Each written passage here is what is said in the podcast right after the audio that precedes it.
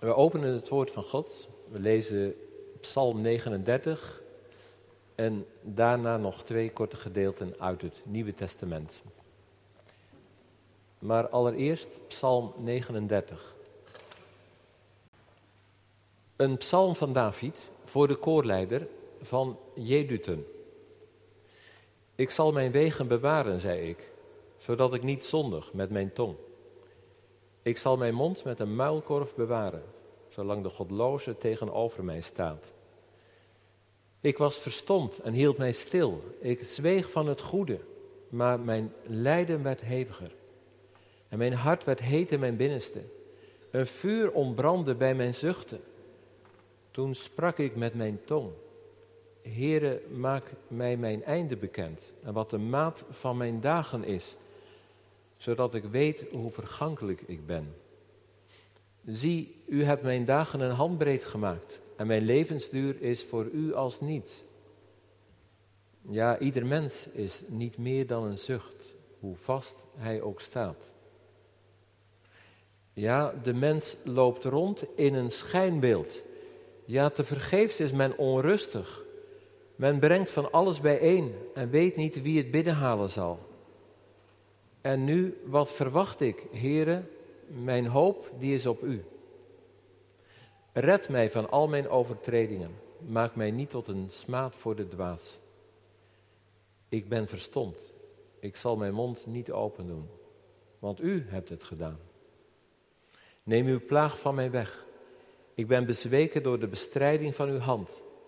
Bestraft u iemand met straffen om zijn ongerechtigheid, dan doet u zijn aantrekkelijkheid als een mot teniet. Ja, ieder mens is een zucht. Luister naar mijn gebed, heren. Neem mijn hulpgeroep ter oren. Zwijg niet bij mijn tranen. Want ik ben een vreemdeling bij u, een bijwoner, zoals al mijn vaderen. Wend uw blik van mij af, zodat ik mij verkwik, voordat ik heen ga en er niet meer ben. Tot zover Psalm 39. En dan lezen we uit Matthäus 6, een gedeelte uit de bergreden, vanaf vers 16. Matthäus 6, vers 16 tot en met 21.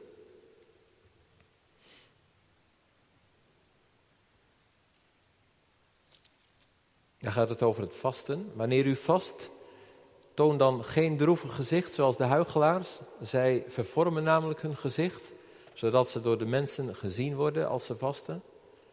Voorwaar, ik zeg u dat ze hun loon al hebben. Maar u, als u vast, zalf dan uw hoofd en was uw gezicht, zodat het door de mensen niet gezien wordt als u vast, maar door uw Vader die in het verborgene is. En uw Vader die in het verborgene ziet, zal het u in het openbaar vergelden.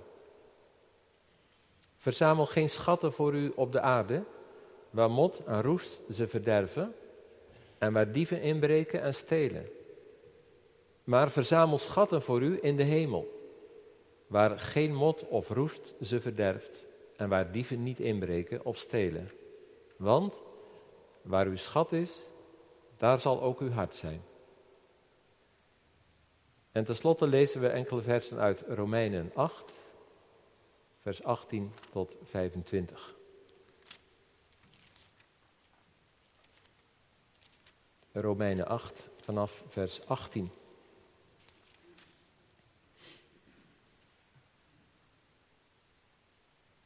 Want ik ben ervan overtuigd dat het lijden van de tegenwoordige tijd niet opweegt tegen de heerlijkheid die aan ons geopenbaard zal worden. Met rijkhalsend verlangen immers verwacht de schepping het openbaar worden van de kinderen van God. Want de schepping is aan de zinloosheid onderworpen, niet vrijwillig, maar door Hem die haar daaraan onderworpen heeft. In de hoop dat ook de schepping zelf zal bevrijd worden van de slavernij van het verderf, om te komen tot de vrijheid van de heerlijkheid van de kinderen van God.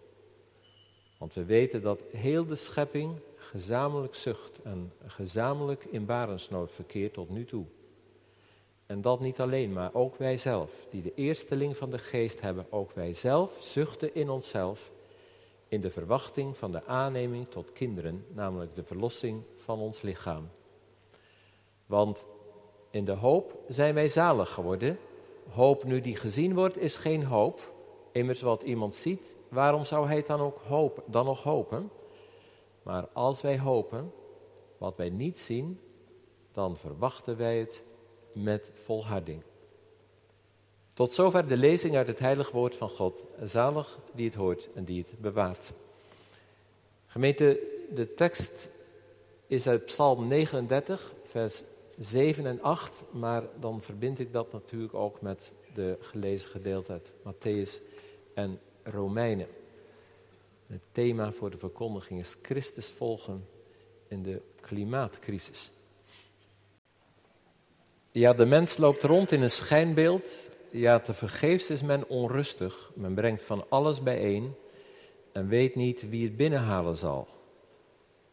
En nu, wat verwacht ik? Heren, mijn hoop, die is op u. Deze woorden van de psalm wil ik een begin maken met de preek die als thema heeft Christus volgen in de klimaatcrisis.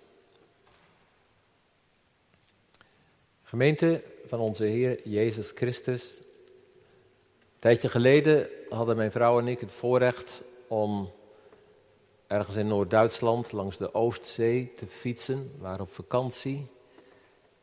En ik werd getroffen door het landschap. Prachtige bermen, bloeiend. Heel veel vogels, ook heel veel vlinders. Het landschap had iets, iets lieflijks. Het had gratie. Ook iets van uitbundigheid. Natuurlijk waren ook de akkers daar. En het was ook mooi weer, dat scheelt natuurlijk ook.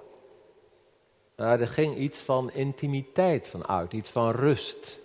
Wij kwamen erin tot rust. Later fietsten we ook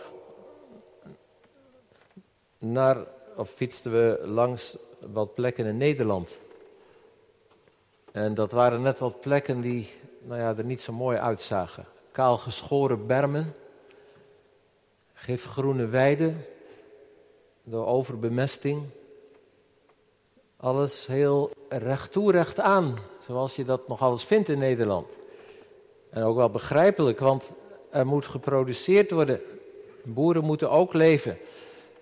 Maar het landschap was, was dood. De intimiteit was weg. Dat onbezorgde.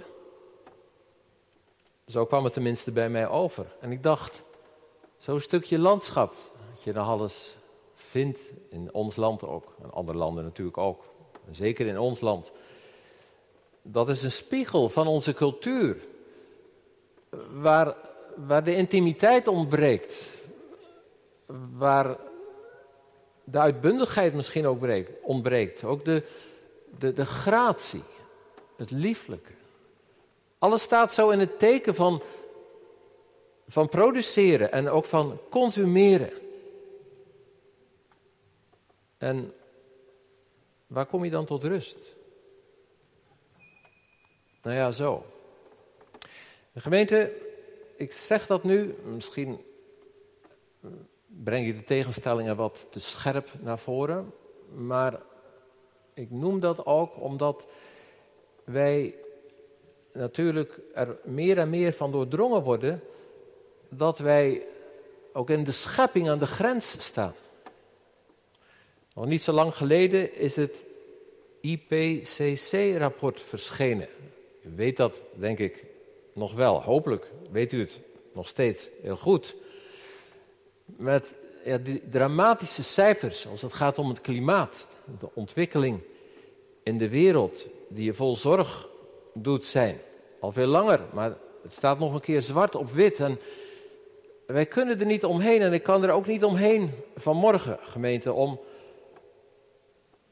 om dat naar voren te brengen. Dat ligt ook erg op mijn hart. En ik dacht, het moet erover gaan, ook vanmorgen hier in de dienst. Hoogst alarmerend. Kun je nog onbezorgd leven? Waar ben je nog veilig? De aarde is aan een grens gekomen. We zijn er misschien al lang overheen.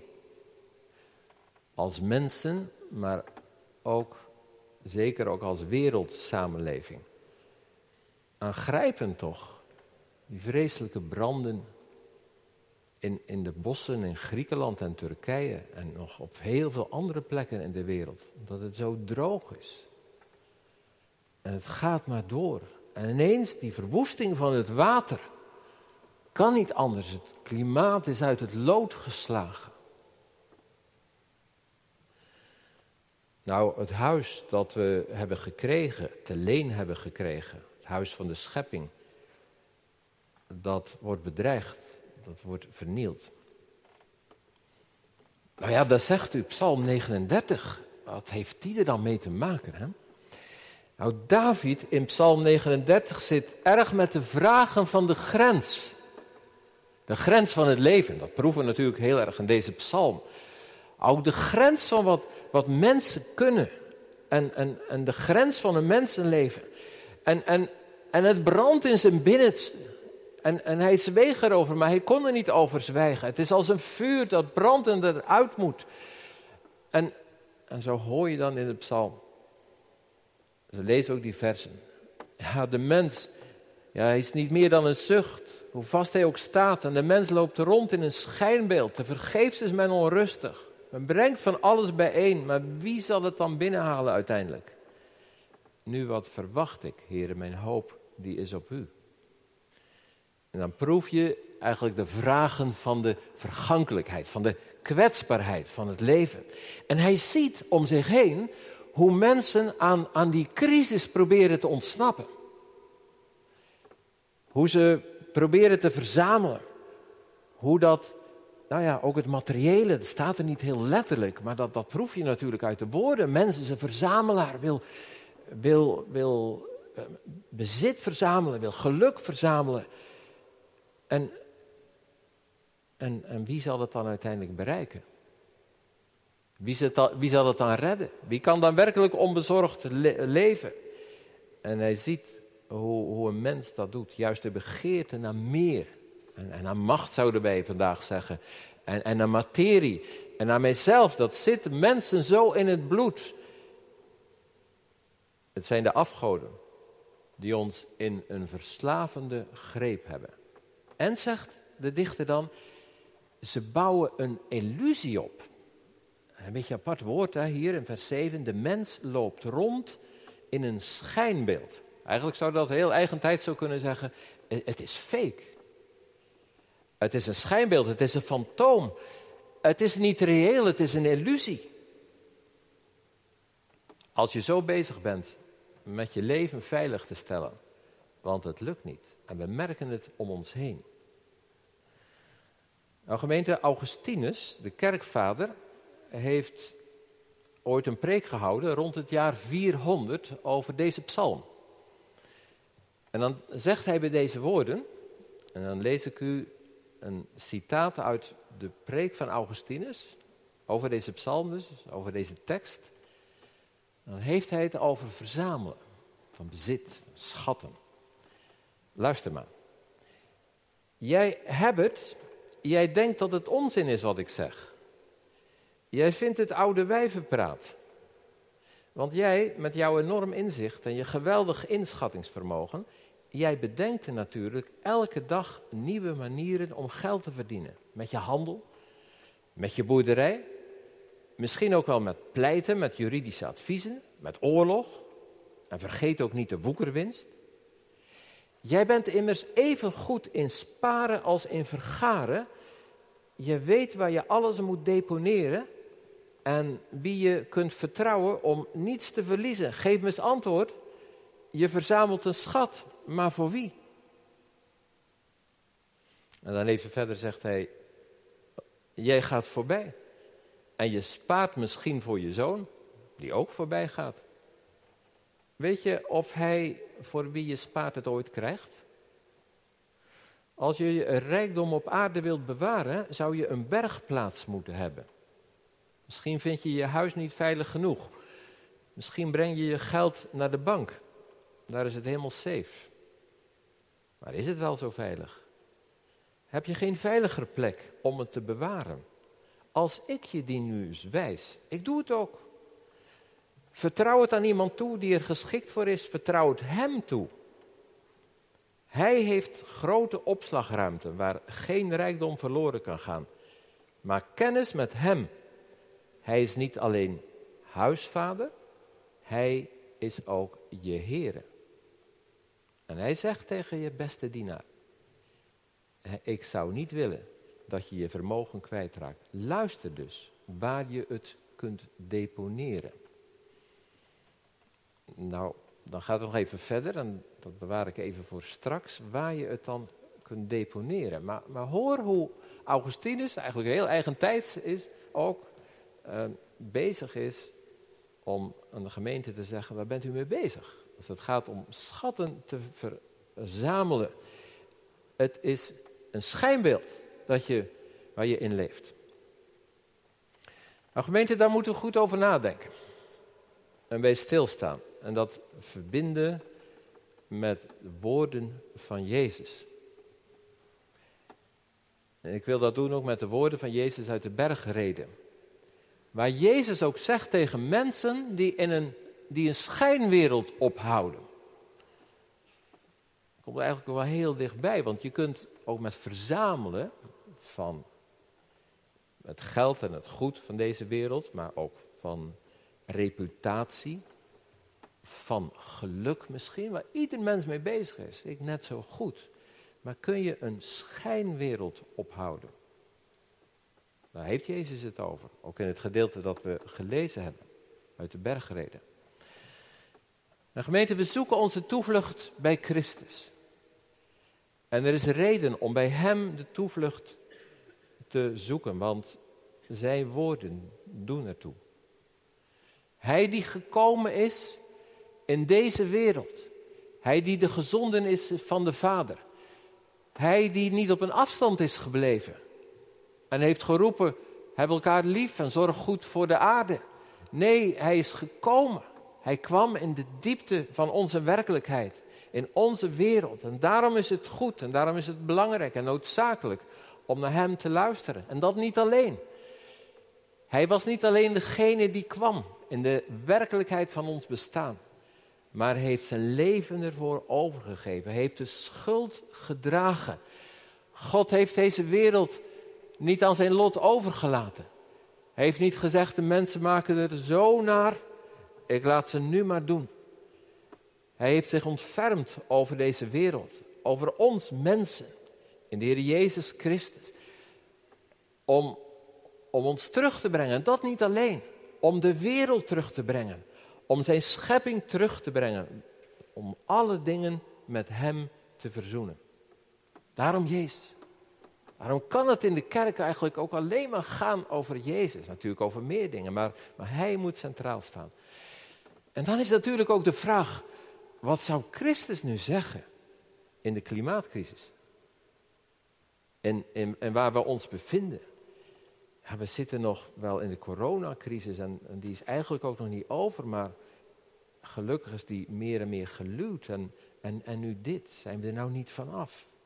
Nee dus. Wat zou Jezus dan zeggen? Nou, niet anders dan wat hij gezegd heeft. En dan zijn de woorden van de bergreden ook in zijn verband heel erg belangrijk. En ik doe een beetje beroep op uw Bijbelkennis, gemeente. En u, u, weet het wel, en de jonge mensen denk ik ook wel, dat het gedeelte in Matthäus 6 eigenlijk over drie dingen gaat. Kijk maar, als u uw Bijbel bij u hebt, in Matthäus 6 in het begin, dan gaat het allereerst over het, over het geven. Als u geeft. Is opvallend. Geven, dus vrijgevigheid, dat staat dus tegenover het mijn dat in onze samenleving zo belangrijk is. Dat ik het maar heb. Dat ik het verzamel voor mezelf, of misschien voor mijn kinderen.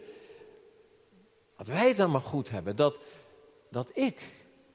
Nee, geven. Dat wil zeggen solidariteit met de naaste, met de wereld. Dat is, dat is het eerste stukje, gaat over geven. En het tweede, dan gaat het over bidden. Dan gaat het over spiritualiteit. spiritualiteit.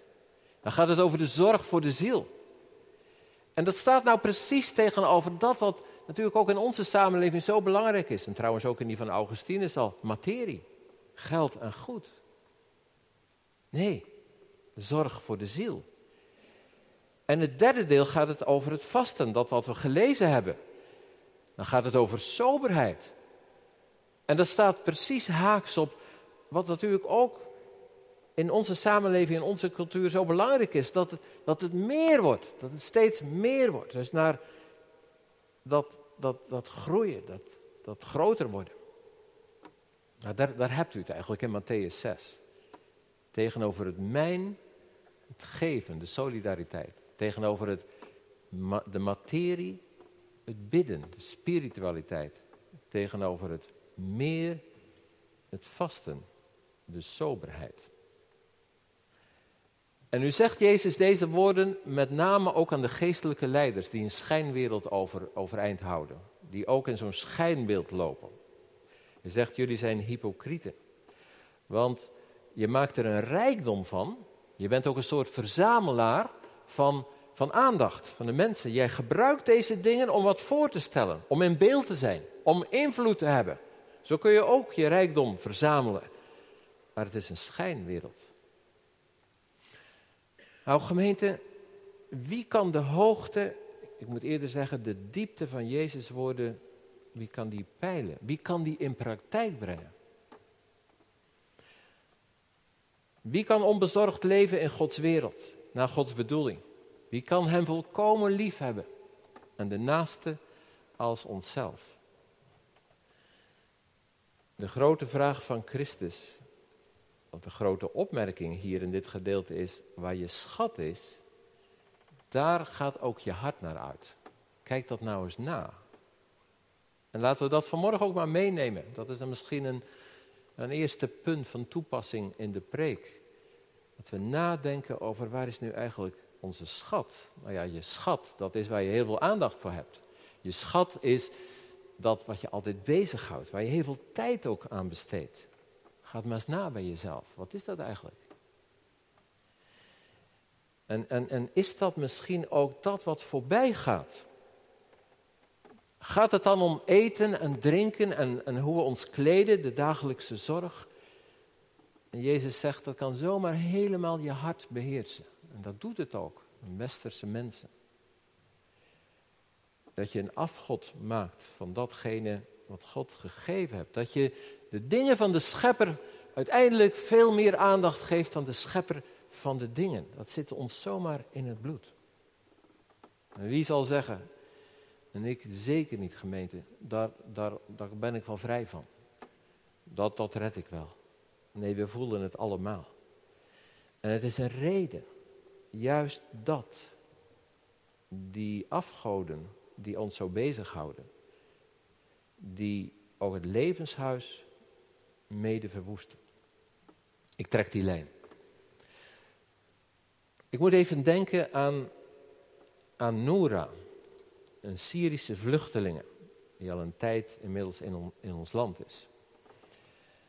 Noura is een jonge afgestudeerde uit Damascus en in de Syrische oorlog wilde ze weg, zoals zoveel mensen, ontsnappen aan het geweld. Zij was moslim, ze kende God niet echt. Dacht wel eens na over God en wie hij was. Maar haar leven was veel meer verlangend naar toekomst, naar geluk. Naar Europa, waar je tenminste wat, wat kon uh, verdienen en betekenis krijgen. Heel begrijpelijk. En zij ging over de zee, die gevaarlijke zee, in een, in, een, in een gevaarlijk bootje en kwam aan op een van de eilanden. En later werd ze in Griekenland door een vriendin meegenomen naar een kerk. En in die kerk, zij vertelde daarover, ineens begonnen tranen te stromen. Begon ze te begrijpen wat liefde was. Ineens ervoer ze iets van God die ze niet kende. En, en ze wilde meer weten over uh, God en over de Bijbel. En ze ging de Bijbel lezen. En het liet haar niet los. En uiteindelijk kwam ze na veel omzwervingen in Nederland. En daar waren broeders en zusters die haar opvingen. En toen ik haar zag spreken, een jaar later, straalde ze. En ze zei, ik ben hier gekomen en ik wil de Heer dienen. Ik heb hem leren kennen. Ik heb eh, gezien wie God is. En mijn hart is veranderd. En ik wil mijn volk dienen. En zij is evangeliste tot op de dag van vandaag. Om, om het evangelie aan, ook aan de andere Syrische mensen te brengen. Zij had alles verloren. En ze had alles gewonnen. En ik dacht, wat ben jij een voorbeeld van genade, van vriendelijkheid, van, van vrijgevigheid, van gebed, van soberheid ook. Nou gemeente, Christus zelf baant de weg. Ik had het even over het landschap waar we doorheen fietsten. Een landschap waar op een gegeven moment de genade kan ontbreken. Het landschap als een spiegel van de cultuur. Maar de kerk dan? En, en hoe zullen we Christus volgen in de crisis van het leven? Het kan ook een hele persoonlijke crisis zijn. Maar ik heb het nu meer over de mondiale crisis. En gemeente, wat is het dan een genade dat Christus zelf de weg baant? Hij is de overste leidsman en volleinder van het geloof. En dat doet hij door de uitnodiging. En daarom zijn we ook in deze dienst. Misschien ben je thuis, maar ook hier in deze dienst. En je hoort de stem van Christus. En je, en je hoort de uitnodiging. Kom tot mij, allen die vermoeid en belast zijn. Allen die zo'n schijnleven proberen op te houden, waar je zo moe van wordt, waar je zoveel zorgen eh, kan, kan blijven koesteren. Kom tot mij, neem mijn juk op u en leert van mij dat ik zachtmoedig ben en nederig van hart en u zult rust vinden voor uw ziel. Die er telkens weer is, die uitnodiging. Kom naar mij toe, zegt Jezus. En, en Christus baant de weg door de gemeenschap van de gemeente. Wat is het kostbaar om bij een gemeente te mogen horen? Bij de gemeenschap. Waar je leert te leven bij brood en wijn en niet bij koren en most. Hè. Koren en most in de Bijbel zijn de teken van overvloed, van welvaart. Dat mag er ook zijn, maar als het alleen maar daarom gaat, alleen maar om eten en drinken en kleding. Jezus zegt, ja, de heidenen, de volken zijn daarmee bezig, maar in de gemeente leer je te leven met brood en wijn. Bij de genade van Christus en de tekens die hij daarvan heeft gegeven. Dat hij, die rijk was, arm is geworden om ons mensen rijk te maken. Echt rijk, werkelijk rijk in hem. Nou gemeente, wat is dat hoopvol? Wat is dat beloftevol? En daarom zegt deze psalm ook, en nu wat verwacht ik, heren? Mijn hoop, die is op u.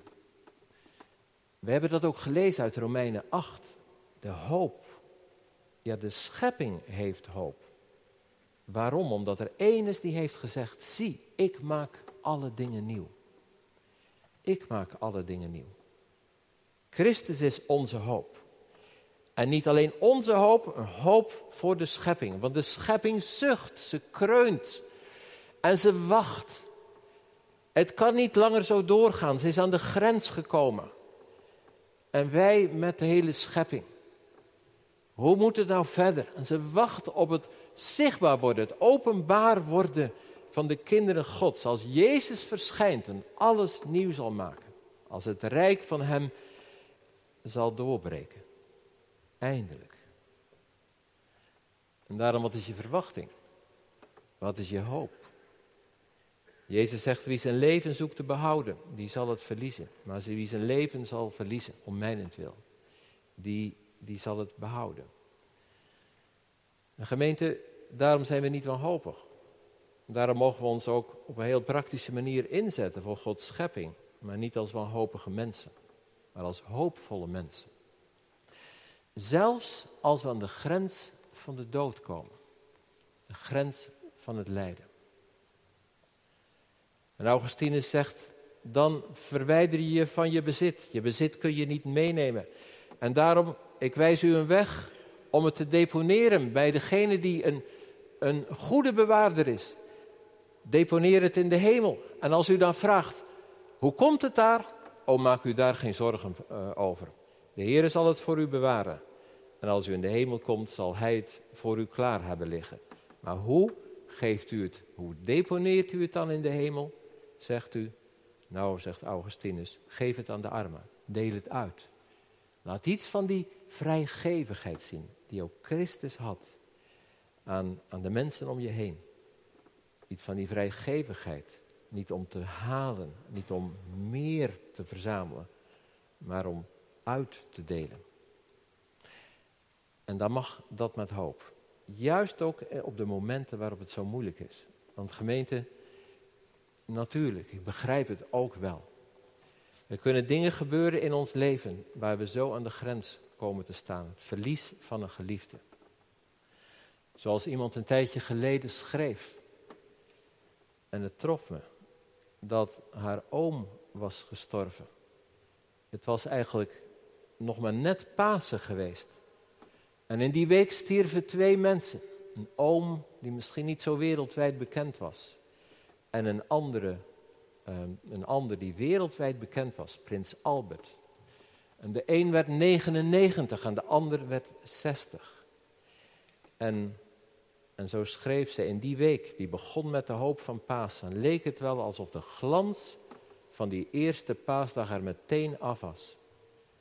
En toen mijn oom de dinsdag na Pasen overleed, alsof met het telefoontje van mijn huilende moeder er direct een zwart gordijn over alles heen viel en de blijde victorieliederen van Pasen plotseling stilvielen. Alles verscheen ineens in eeuwigheidsperspectief. De dagelijkse dingen die zo ontzettend belangrijk leken, zie je in een ogenblik als onbelangrijk. Maar wat ik nou te midden van al dat diepe verdriet zo mooi vind, is dat hardnekkige christelijke geloof. Het geloof dat tegen alles in, wat je met je ogen ziet, een kist die door kinderen en kleinkinderen de kerk binnengebracht wordt. En een weduwe ondersteund door haar zoon. Die door alles heen blijft geloven. Geloven en hopen in dat wat niet te zien is, maar wat er echt is. En wie verwacht met volharding, zegt de apostel Paulus, die volharding die bijna tastbaar is in een rouwende familie, waar toch de liederen klinken. En het orgel dat juicht, u zij de glorie, als de kist de kerk uitgaat. En dan zie je op zo'n donkere dag het licht van Pasen doorbreken. Want de dood is overwonnen. En door de opstanding van Jezus leeft mijn oom meer dan ooit tevoren. En haar oom, misschien begrijpt u het, dat was, uw oud-predikant, dominee van Duin. Gemeente, mensen verlangen wat ze nodig hebben is rust bij de Heer. Om te zien waar het op aankomt. Om die vrede te vinden die er is in de stilte van de omgang met Hem. Maar van de vrucht is het gebed. En de vrucht van het gebed het geloof. En de vrucht van het geloof de liefde.